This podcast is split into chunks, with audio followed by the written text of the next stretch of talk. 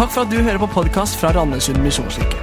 Denne talen er spilt inn på en av våre gudstjenester på søndager klokken 11.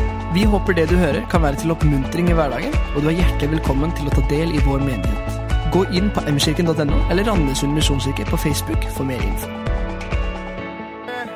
lille farmen, og ved siden av den så renner det en, eh, en elv. Og når det regner mye, så går denne elven over sine bredder.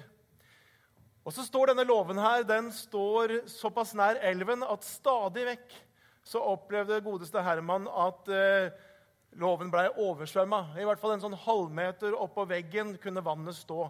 Og Det er litt problem når man skal lagre høy der og redskaper osv. Så, videre.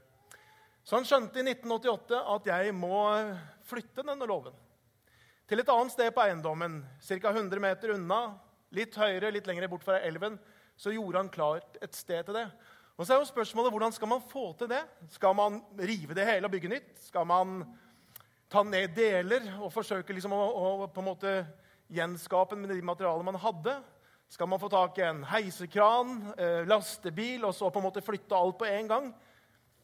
Vet ikke hva du hadde gjort? Noen av dere praktiske anlagt har allerede begynt å liksom prosessere hva er den beste måten å gjøre det på. Godeste Herman han kom på en idé. Og Så tenkte han ja, sånn kan jeg gjøre det.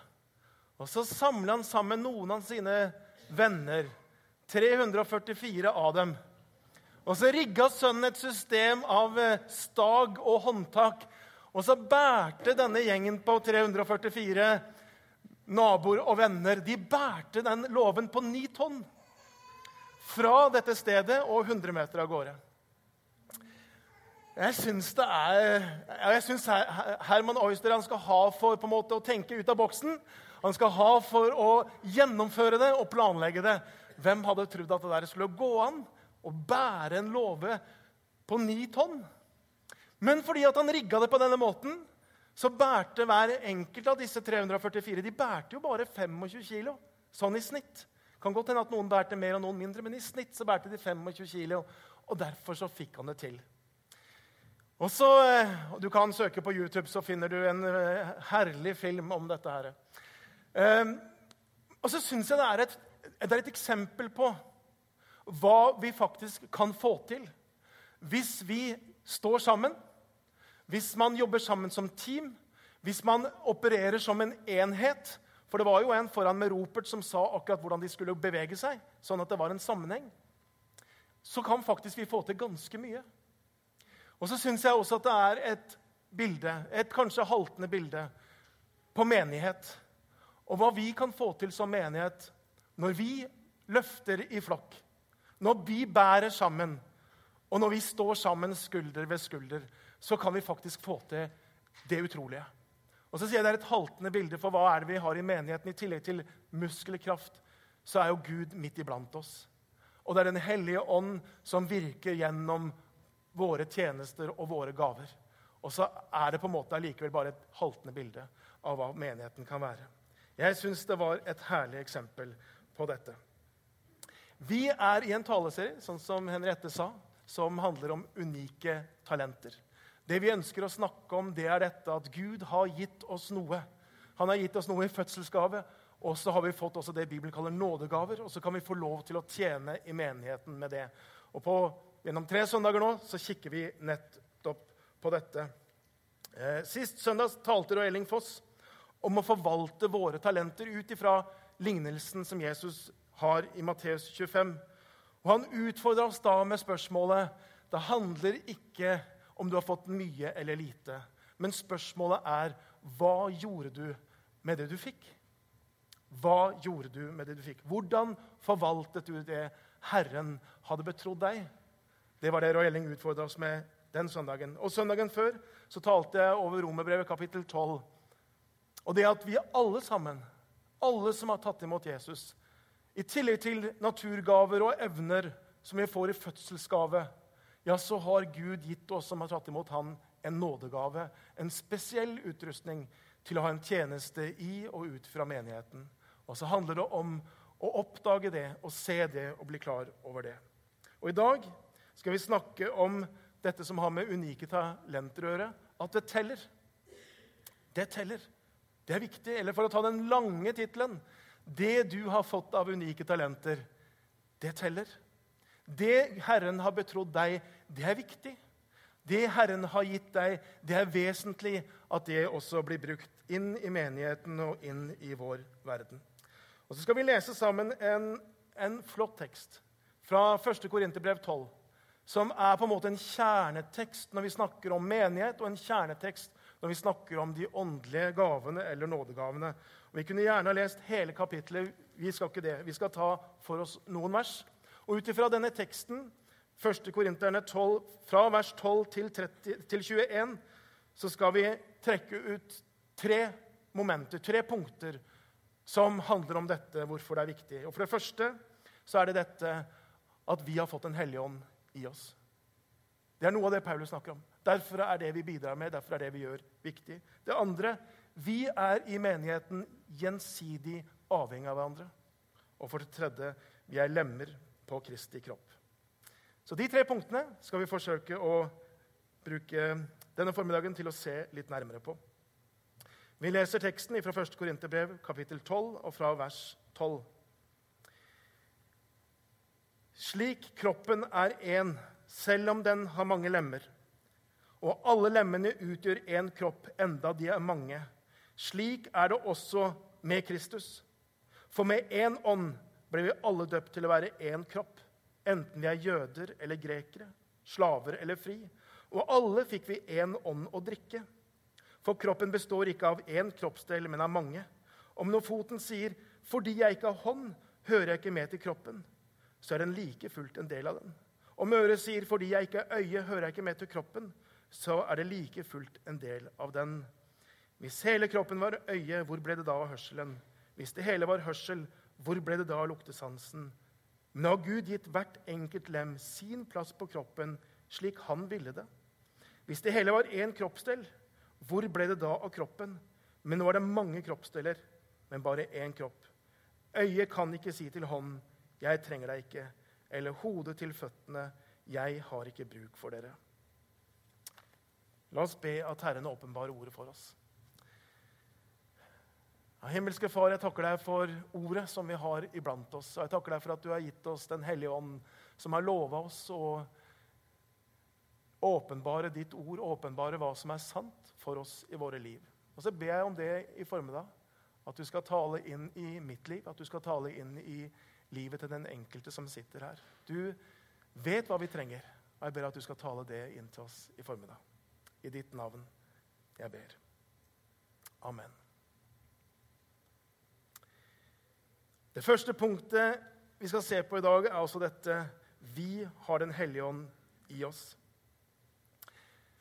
En trenger ikke være skolert teolog for å skjønne når vi leser første Korinterbrev, når vi liksom leser mellom linjene, at i denne flokken av ganske unge kristne så var det ganske mange spenninger. Eh, og Sånn er det lett når mennesker er sammen. Det er lett at noen kjenner seg i en forsamling underlegne og kjenner liksom at de andre har noe som er så mye bedre. Og Det er også noen ganger at noen kan kjenne seg liksom ovenpå i en forsamling. Litt overlegne de andre. Sånn var det nok også her i Korint. Noen også med nådegavene. Noen hadde liksom de gjeveste gavene. Og så var det å på en måte kanskje kunne hovere litt med det. Liksom Eh, eh, det var en status å ha noen spesielle gaver. Og så kjente de seg litt sånn over de andre fordi at de hadde akkurat de gavene. Og så var det andre i Korint som sikkert kjente på en sårhet og følelse på en måte at de, de var ikke gode nok, for de mangla akkurat de gavene. De hadde ikke der. Det var noen gaver i menigheten som liksom var litt mer trendy enn de andre. Og midt inni den korintiske støyen av misunnelse hovering, rivalisering og partidannelse, så skriver Paulus følgende i vers 13.: For med én ånd ble vi alle døpt til å være én kropp, enten vi er jøder eller grekere, slaver eller fri, og alle fikk vi én ånd å drikke. Og Legg merke til hvordan Paulus understreker ordet 'alle'. Ja. I en setting hvor på en måte Noen kjente seg sånn, og noen kjente seg sånn, og noen var litt ovenpå, og noen var litt underlegen. Og så sier han, husk, alle har vi fått én ånd å drikke. Alle er vi døpt til kroppen med den samme ånd. Vi har den samme ånd. Det er det Paulus sier. Og så kommer åndens uttrykk veldig forskjellig til uttrykk i, i mennesker. Det er snakk om forskjellig på så mange områder. For det er forskjellige gaver som gis til forskjellige mennesketyper. Som gis til mennesker med ulik bakgrunn og etnisitet, ulik stand. Og så blir dette i menigheten veldig forskjellig. Og det kan man jo se på som et problem. Og Sånn var det litt i Korint. Derfor så må Paulus på en måte minne de igjen og igjen og igjen på dette. Ja, det er noen forskjeller her, men husk hva som er som binder oss sammen. Og Så understreker han det også noen vers litt tidligere i kapittel 12, eh, fra vers 4, hvor det står Det er forskjellige nådegaver, men ånden er den samme. Det er forskjellige tjenester, men Herren er den samme. Det er forskjellige kraftige virkninger, men Gud er den samme. Det er forskjellig. Det skal se forskjellig ut. Men husk ånden er den samme. Herren er den samme. Gud er den samme. Sånn er det i menigheten. Så det første punktet i denne talen her, det handler om akkurat dette. At det du har, det Gud har gitt deg, om det er sånn eller sånn, om det er forskjellig fra alle de andre, ja, så teller det. Så er det viktig, fordi det er et uttrykk for ånden i deg. Når du setter det i tjeneste, når du lar det være i virksomhet. Vi har akkurat en taleserie her om reformasjon. Og som en del av det reformatoriske program med Martin Luther i spissen, ja, så ble det løfta fram et prinsipp om det allmenne prestedømmet. Hva betyr det? Jo, det allmenne prestedømmet det betyr at alle er vi prester. Og det er ingen på en måte som er over de andre. Vi er alle prester. Alle sammen så kan vi høre fra Gud. Alle sammen så kan vi forstå Guds ord. Alle sammen så kan vi be og forholde oss direkte til Gud. Vi kan på en måte komme direkte inn hos Han, alle sammen, fordi vi alle har Den hellige ånd. Fordi Jesus har åpna en levende vei for oss.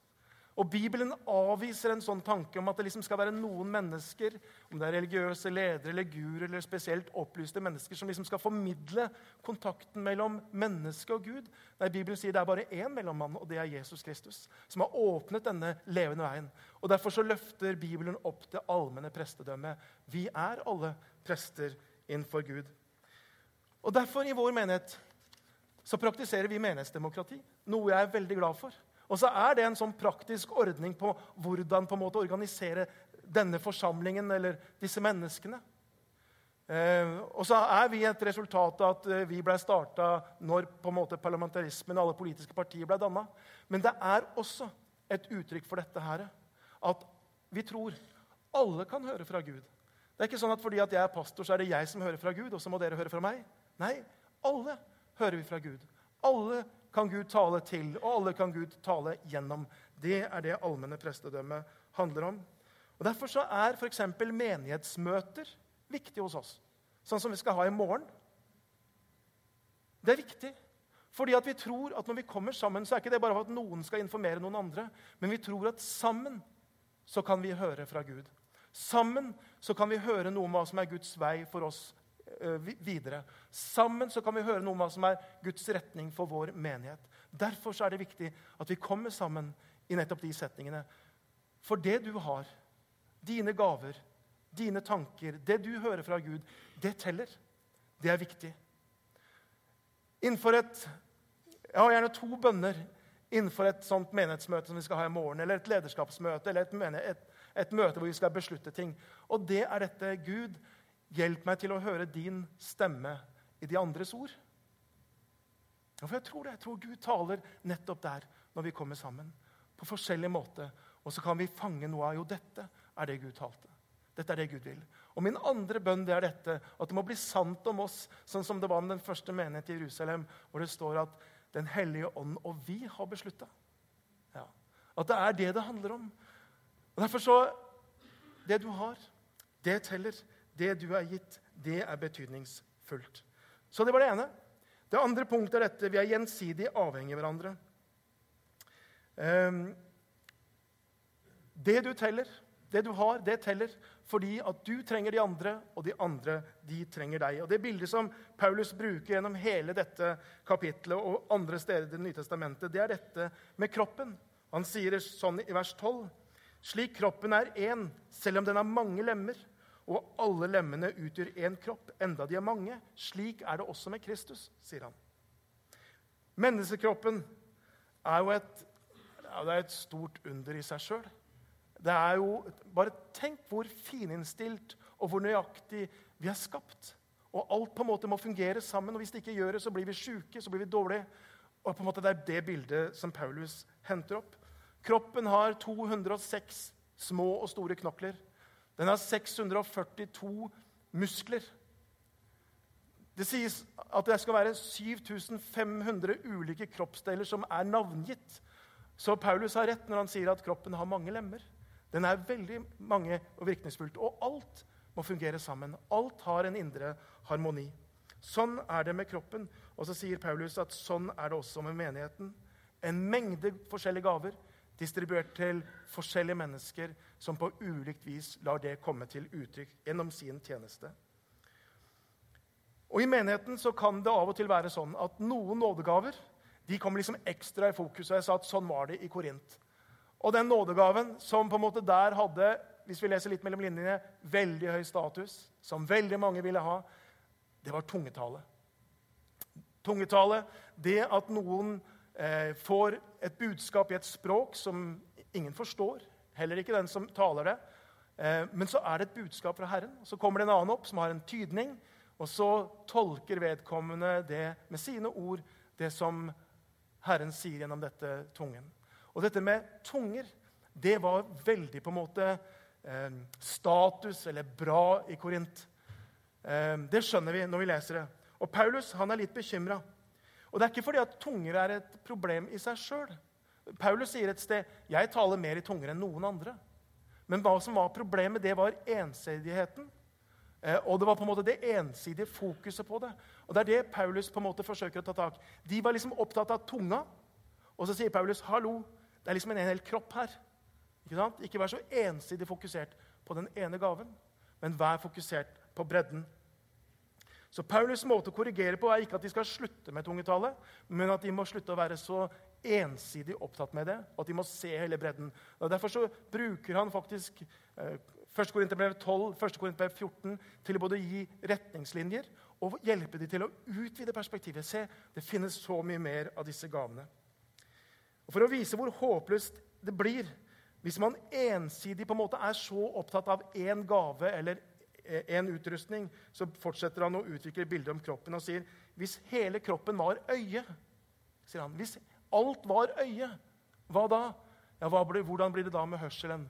Hvis alt var hørsel, hvordan blir det da med luktesansen? Og øyet er jo et av de mest fascinerende kroppsdeler på en måte vi har. tenker jeg. Bare tenk på det, hvor utrolig fascinerende det er at vi kan se lys og mørke. At vi kan se farger, at vi kan se bevegelser, at vi kan gjenkjenne hverandre. At det er, måte, det er jo bare lys som treffer eh, netthinna, og så formes det opp sånn at vi kan se. Utrolig fascinerende. Og Øyet er jo på en måte der også vi ser når vi skal lese et menneske. Det sier at øyet er sjelens speil, sies det ikke det? Og det er jo i hverandres øyne at det forelska paret drukner. Så øyet er jo helt spesielt. Um, allikevel, hvis alt var øye, sier Paulus Uansett hvor fascinerende, sterkt og bra det lemmet er, hva da med alt det andre? Det måte, vi kan ikke tenke oss at øyet kunne ikke leve engang eller eksistere helt alene. Paulus' poeng er dette. Vi trenger hverandre. Vi trenger gjensidigheten. Vi er forskjellige fordi vi trenger forskjelligheten. Og Det er det viktig å forstå. For noen ganger så kan nettopp forskjelligheten det kan kjennes på en måte litt sånn, det kan være litt utfordrende. Roy Elling er jo pastor her.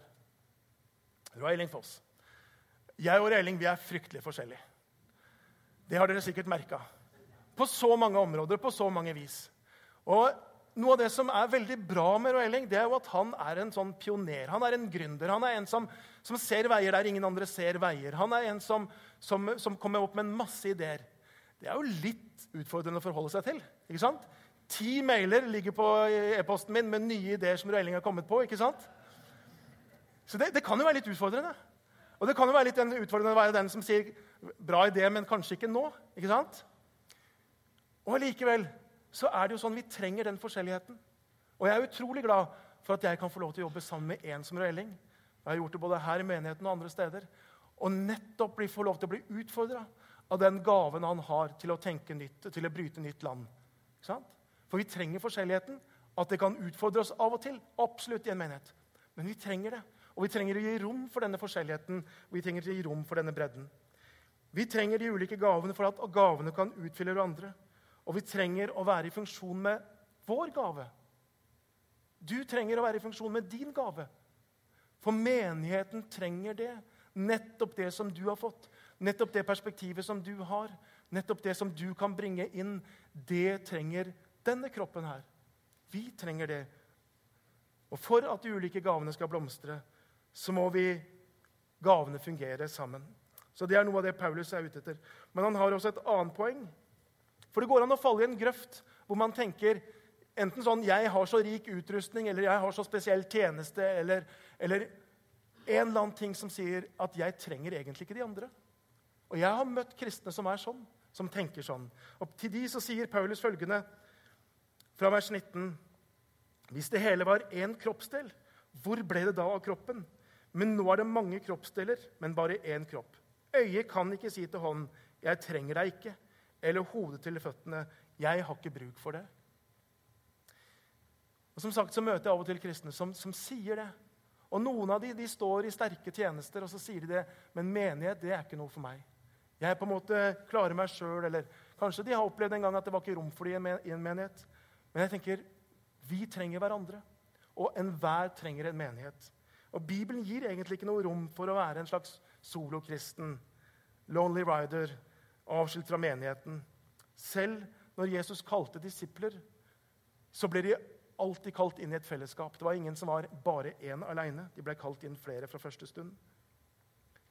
Så jeg har lyst til å si til deg, om du er her som kanskje på en måte ikke nå tilhører noen menighet, eller du på en måte vet ikke hvor du er, så jeg har lyst til å oppmuntre deg eh, med all verdens godhet om å på en måte ta det steget og bli del av en menighet, bli del av en kropp, der også dine gaver og din tjeneste kan komme i funksjon. Det har jeg lyst til å oppmuntre deg til. Det handler altså om gjensidig avhengighet. Det, den enkelte av oss trenger menigheten som et fellesskap som gir oss åndelig næring, hvor vi kan få oppleve vekst og modning i troen. Men vi trenger også menigheten for at, Gud, for at det Gud har gitt meg, at det kan blomstre, at det kan eh, bære frukt på en rett måte. Gavene eh, er avhengig av hverandre. Og så er det sånn at De andre i menigheten det trenger ditt bidrag. De trenger det som du har. Så Derfor så handler dette om at de unike talenter, det du, Gud har gitt deg, det teller. Og hvorfor? Jo, for det handler om en gjensidig avhengighet. Det siste jeg har lyst til å si noe om, det er dette at det du har fått, det teller fordi vi er lemmer på Kristi legeme. Eller Kristi kropp. Og Bibelen bruker flere ganger dette bildet om menigheten som Kristi kropp. Og så skjønner vi at når vi leser disse tekstene, så skjønner vi at dette er noe langt mer enn et bilde. Dette er dere en realitet. Det er faktisk sånn at menigheten er Kristi kropp på jorden. Dere er Kristi kropp, og hver enkelt et lem på ham, sier Bibelen. Når Jesus for opp til himmelen, og elleve forfjamsa disipler står igjen og lurer på hva som har skjedd, ja, så forlot Jesus det ikke sånn helt og fullt. Han lot noe bli igjen her på jorda, og det noe, det var hans kropp. Så menigheten, vi, vi er Kristi hender. Vi er Kristi føtter, og vi er Kristi munn inn i vår verden i dag. Sånn at vi kan fortsette å proklamere at Guds rike har kommet nær. At vi kan fortsette å møte mennesker med Guds kjærlighet, slik Jesus gjorde. At vi fortsetter kan bringe lys inn i mørket, sånn som Jesus gjorde. At vi kan hjelpe mennesker til å finne fred, frelse og frihet. Vi skal fortsette det som Jesus starta, og hans kropp er her nede ennå. Og det er oss. Det er hans legeme. Det er menigheten.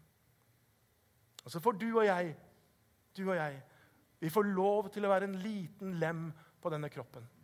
Vi får lov til å ha en liten bit av det Jesus gjør også i verden i dag. Jeg tenker på hvilket perspektiv, hvilket perspektiv det gjør på vårt lille bidrag. Har det betydning, det lille som jeg kan bidra med? Den lille tjenesten som jeg kan gjøre? Den lille biten som jeg kan bidra? Har det betydning? Ja, det har det. Vi kan bære fram våre billedlig talt to fisker og fem brød. Det derre lille. Og så kan Jesus ta det, og så kan han gjøre det til mat for tusenvis. Sånn var det da, og sånn er det fortsatt i dag. Det lille som du kan bringe inn, det teller, og det er avgjørende. Jesus sier noe underlig i Johannes 14, 20, 14 12. Han sier følgende.: Sannelig, sannelig, jeg sier dere, den som tror på meg, skal også gjøre de gjerninger jeg gjør, ja, enda større gjerninger, for jeg går til Far. Og så er det flere perspektiv på dette verset, men ett av de perspektivene er dette som vi snakker om nå. Hvordan kan vi gjøre større gjerninger enn det Jesus gjorde? Jo, fordi at kroppen er her fortsatt. Og om ikke vi kan se kanskje ett menneske som gjør mer enn det Jesus gjorde, større gjerninger enn det Jesus gjorde, så samla sett kan hans kirke, hans menighet, samla sett kan hans disipler nå lengre enn det Jesus nådde. Hjelpe flere enn det Jesus kunne. Jesus metta en gang 5000 menn pluss kvinner og barn. Og i dag, nettopp denne dagen her, så er det millioner av mennesker verden over som blir metta, som får mat fordi det er en kirke der som deler ut mat. Fordi det er en kristen hjelpeorganisasjon som bringer mat inn steder hvor det ikke er mat. Det er fantastisk å lese hvordan Jesus møtte mennesker med kjærlighet og nåde i evangeliene. Men i dag er det millioner av mennesker som blir møtt med Guds kjærlighet. Gjennom hans hender og hans føtter. Kirker som viser genuin omsorg. Mennesker som blir inkludert, mennesker som blir hjulpet, som blir besøkt i fengsel eller i flyktningleirer. Og så er det millioner som i dag får lov til å erfare Guds kjærlighet gjennom hans kropp.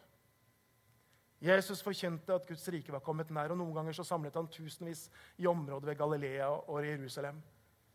Men kirken gjennom disse 2000 årene har fått lov til å forkynne evangeliet for milliarder av mennesker. Bare i dag er det 2,1 milliarder kristne.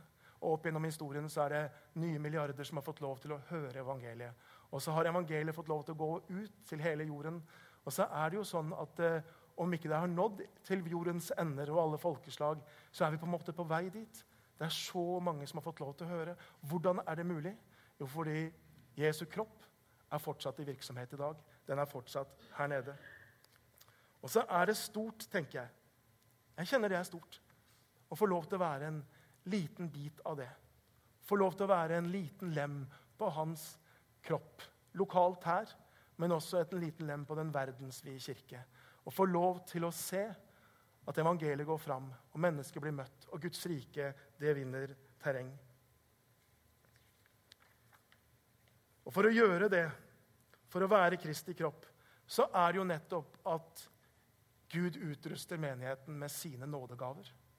Gaver som skal sette oss i stand til å nettopp gjøre det Jesus gjorde, og gjøre, ta hans tjeneste videre. Og så sier Paulus her i, versene, i, i noen vers etter det vi leste. I vers 28 i første kor 12 så står det I kirken har Gud for det første satt noen til apostler, for det andre profeter, for det tredje lærere, deretter mektige gjerninger, deretter nådegaver til å helbrede, til å hjelpe, til å lede og ulik slag av tungetale. Og så har Gud en gave som han ønsker å utruste hver eneste en av oss med. Han ønsker at vi skal få lov til å eh, være i funksjon og komme i funksjon med den gaven. Vi er kalt som menighet til å fortsette det Jesus starta. Derfor så trenger vi at det er noen her iblant oss som kan virke i det profetiske. Som kan tale trøst, formaning og oppmuntring, sånn som Bibelen sier. Vi trenger at noen fungerer i det. Vi trenger at det er mennesker som kan bryte nye veier, og som kan ha noe av det apostoliske i seg, som kan, kan gå dit ingen har gått før, og gjøre det ingen har gjort før. Alle er vi kalt til å være et vitne, men vi trenger at noen iblant oss kan få lov til å se at en evangelistgave spirer fram, sånn at man er enda mer effektivt i det å bringe mennesker fra mørket til lyset. Vi trenger mennesker som har gave til å lede, til å hjelpe, til å tjene. Ja, vi trenger hele bredden av disse gavene som Paulus nevner her og andre steder. Frank Mangs var en evangelist, svensk-amerikansk evangelist som på 30-40-tallet sto i vekkelse. Og På Misjonsforbundets, Misjonskirken Norges 100-årsjubileum hadde han en tale hvor han sa bl.a. dette her. Han sier, 'Jeg er overbevist om at i dagens forsamlinger er mye innfrosset kapital, ressurser som ikke blir frigjort. Kunne Herren frigjøre? Om ikke mer enn 10% av de ressursene så ville det revolusjonere veksten i menighetene, sier Frank Mangs. Prosentene vet vi jo ikke, men jeg tror han har rett. At det finnes mye innfrosset kapital. Det er mange gaver som ligger i brakk, eller som aldri har fått lov til å spire fram. Vi ønsker i vår menighet at vi skal kunne få lov til å ha så mye varme at disse innfrossede gavene at de kan tine. At det skal være et rom der mennesker kan få lov til å tjene med sin forskjellighet. At det skal være en kultur hvor det å få lov til å på en måte noen ganger stikke seg fram, om det er det man må, skal være ålreit. Sånn at vi kan se hele bredden av gaver komme i funksjon. At eh, det du har fått, at du kan kjenne at det teller. Det er viktig. Herman Austri han flytta låven sin. Det klarte han fordi at alle 344 de eh, løftet sammen, samtidig, skulder ved skulder, 344 stykker. 25 kilo hver. Og Så var det sikkert noen som bar 10, og så var det kanskje noen som bar 40. Fordi vi har ulike muligheter til og ulik styrke. Men i gjennomsnitt så var det sånn. Og så snakker vi om menighet og så snakker vi om Kristi kropp. Det er det vi snakker om i dag. Og så har jeg bare lyst til å spørre er du med på bærelaget her. Er du der på en måte hvor du bærer? Det var ikke de eneste som var rundt låven til eh, Herman den dagen. Det var 4000 som var tilskuere også. Ikke sant? Og så har jeg bare lyst til å utfordre deg til å være med. Å være med å bære, være med å løfte. Når det gjelder menighet, når det gjelder denne forsamlingen, når det gjelder Kristi kropp. Du er velkommen til å være med om du ikke skulle være der. Og du som bærer, så har jeg lyst til å si eh, så bra at du har båret, at du har stått der trofast gjennom sikkert mange år. Og så tenker jeg En dag hjemme hos Herren skal vi få lov til å se hva faktisk vi var med og bar, hva det bidro til i den verdensvide kirke. At vi var der. Det kommer vi til å se hjemme. Hva det betydde at nettopp du var søndagsskolelærer for den gutten, for den jenta. Hva det betydde. Hva det betydde at du gav den gaven der og bidro økonomisk at noen andre kunne reise eller være i tjeneste. Hva det betydde. Det kommer vi til å se en gang hjemme hos Herren. Finnes det innfrosset kapital hos oss? Jeg har i hvert fall lyst til å si vi ønsker å tine det som er innfrosset. Vi ønsker å se gaver i funksjon. Jeg har bare lyst til å spørre deg, kan, kan dette være noe av vår bønn innenfor et nytt år? At Gud kan forløse gavene i oss? At Gud kan utvikle de gavene som allerede er i funksjon?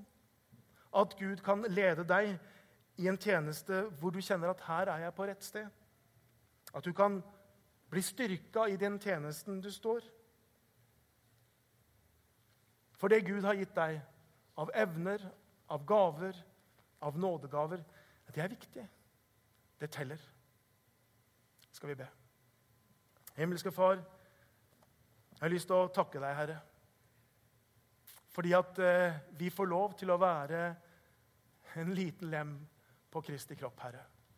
For et perspektiv det gir Jesus på det livet som vi lever, og på den tjenesten som vi gjør, Jesus. Uansett hva den tjenesten er, så får lov til å gjøre et lite bidrag, Herre. Og så har jeg lyst til å be deg for vår menighet, at vi kan se gaver som kommer i funksjon, Herre. Gaver som tines opp, Herre. Som settes inn i tjeneste. Og så jeg at du skal minne den enkelte av oss på Jesus, hvor vi skal være. Hvordan vi skal være et lem på din kropp på best mulig måte. At vi kan forvalte det som du har gitt oss. I Jesu navn jeg ber. Vi skal få lov til å reise oss opp.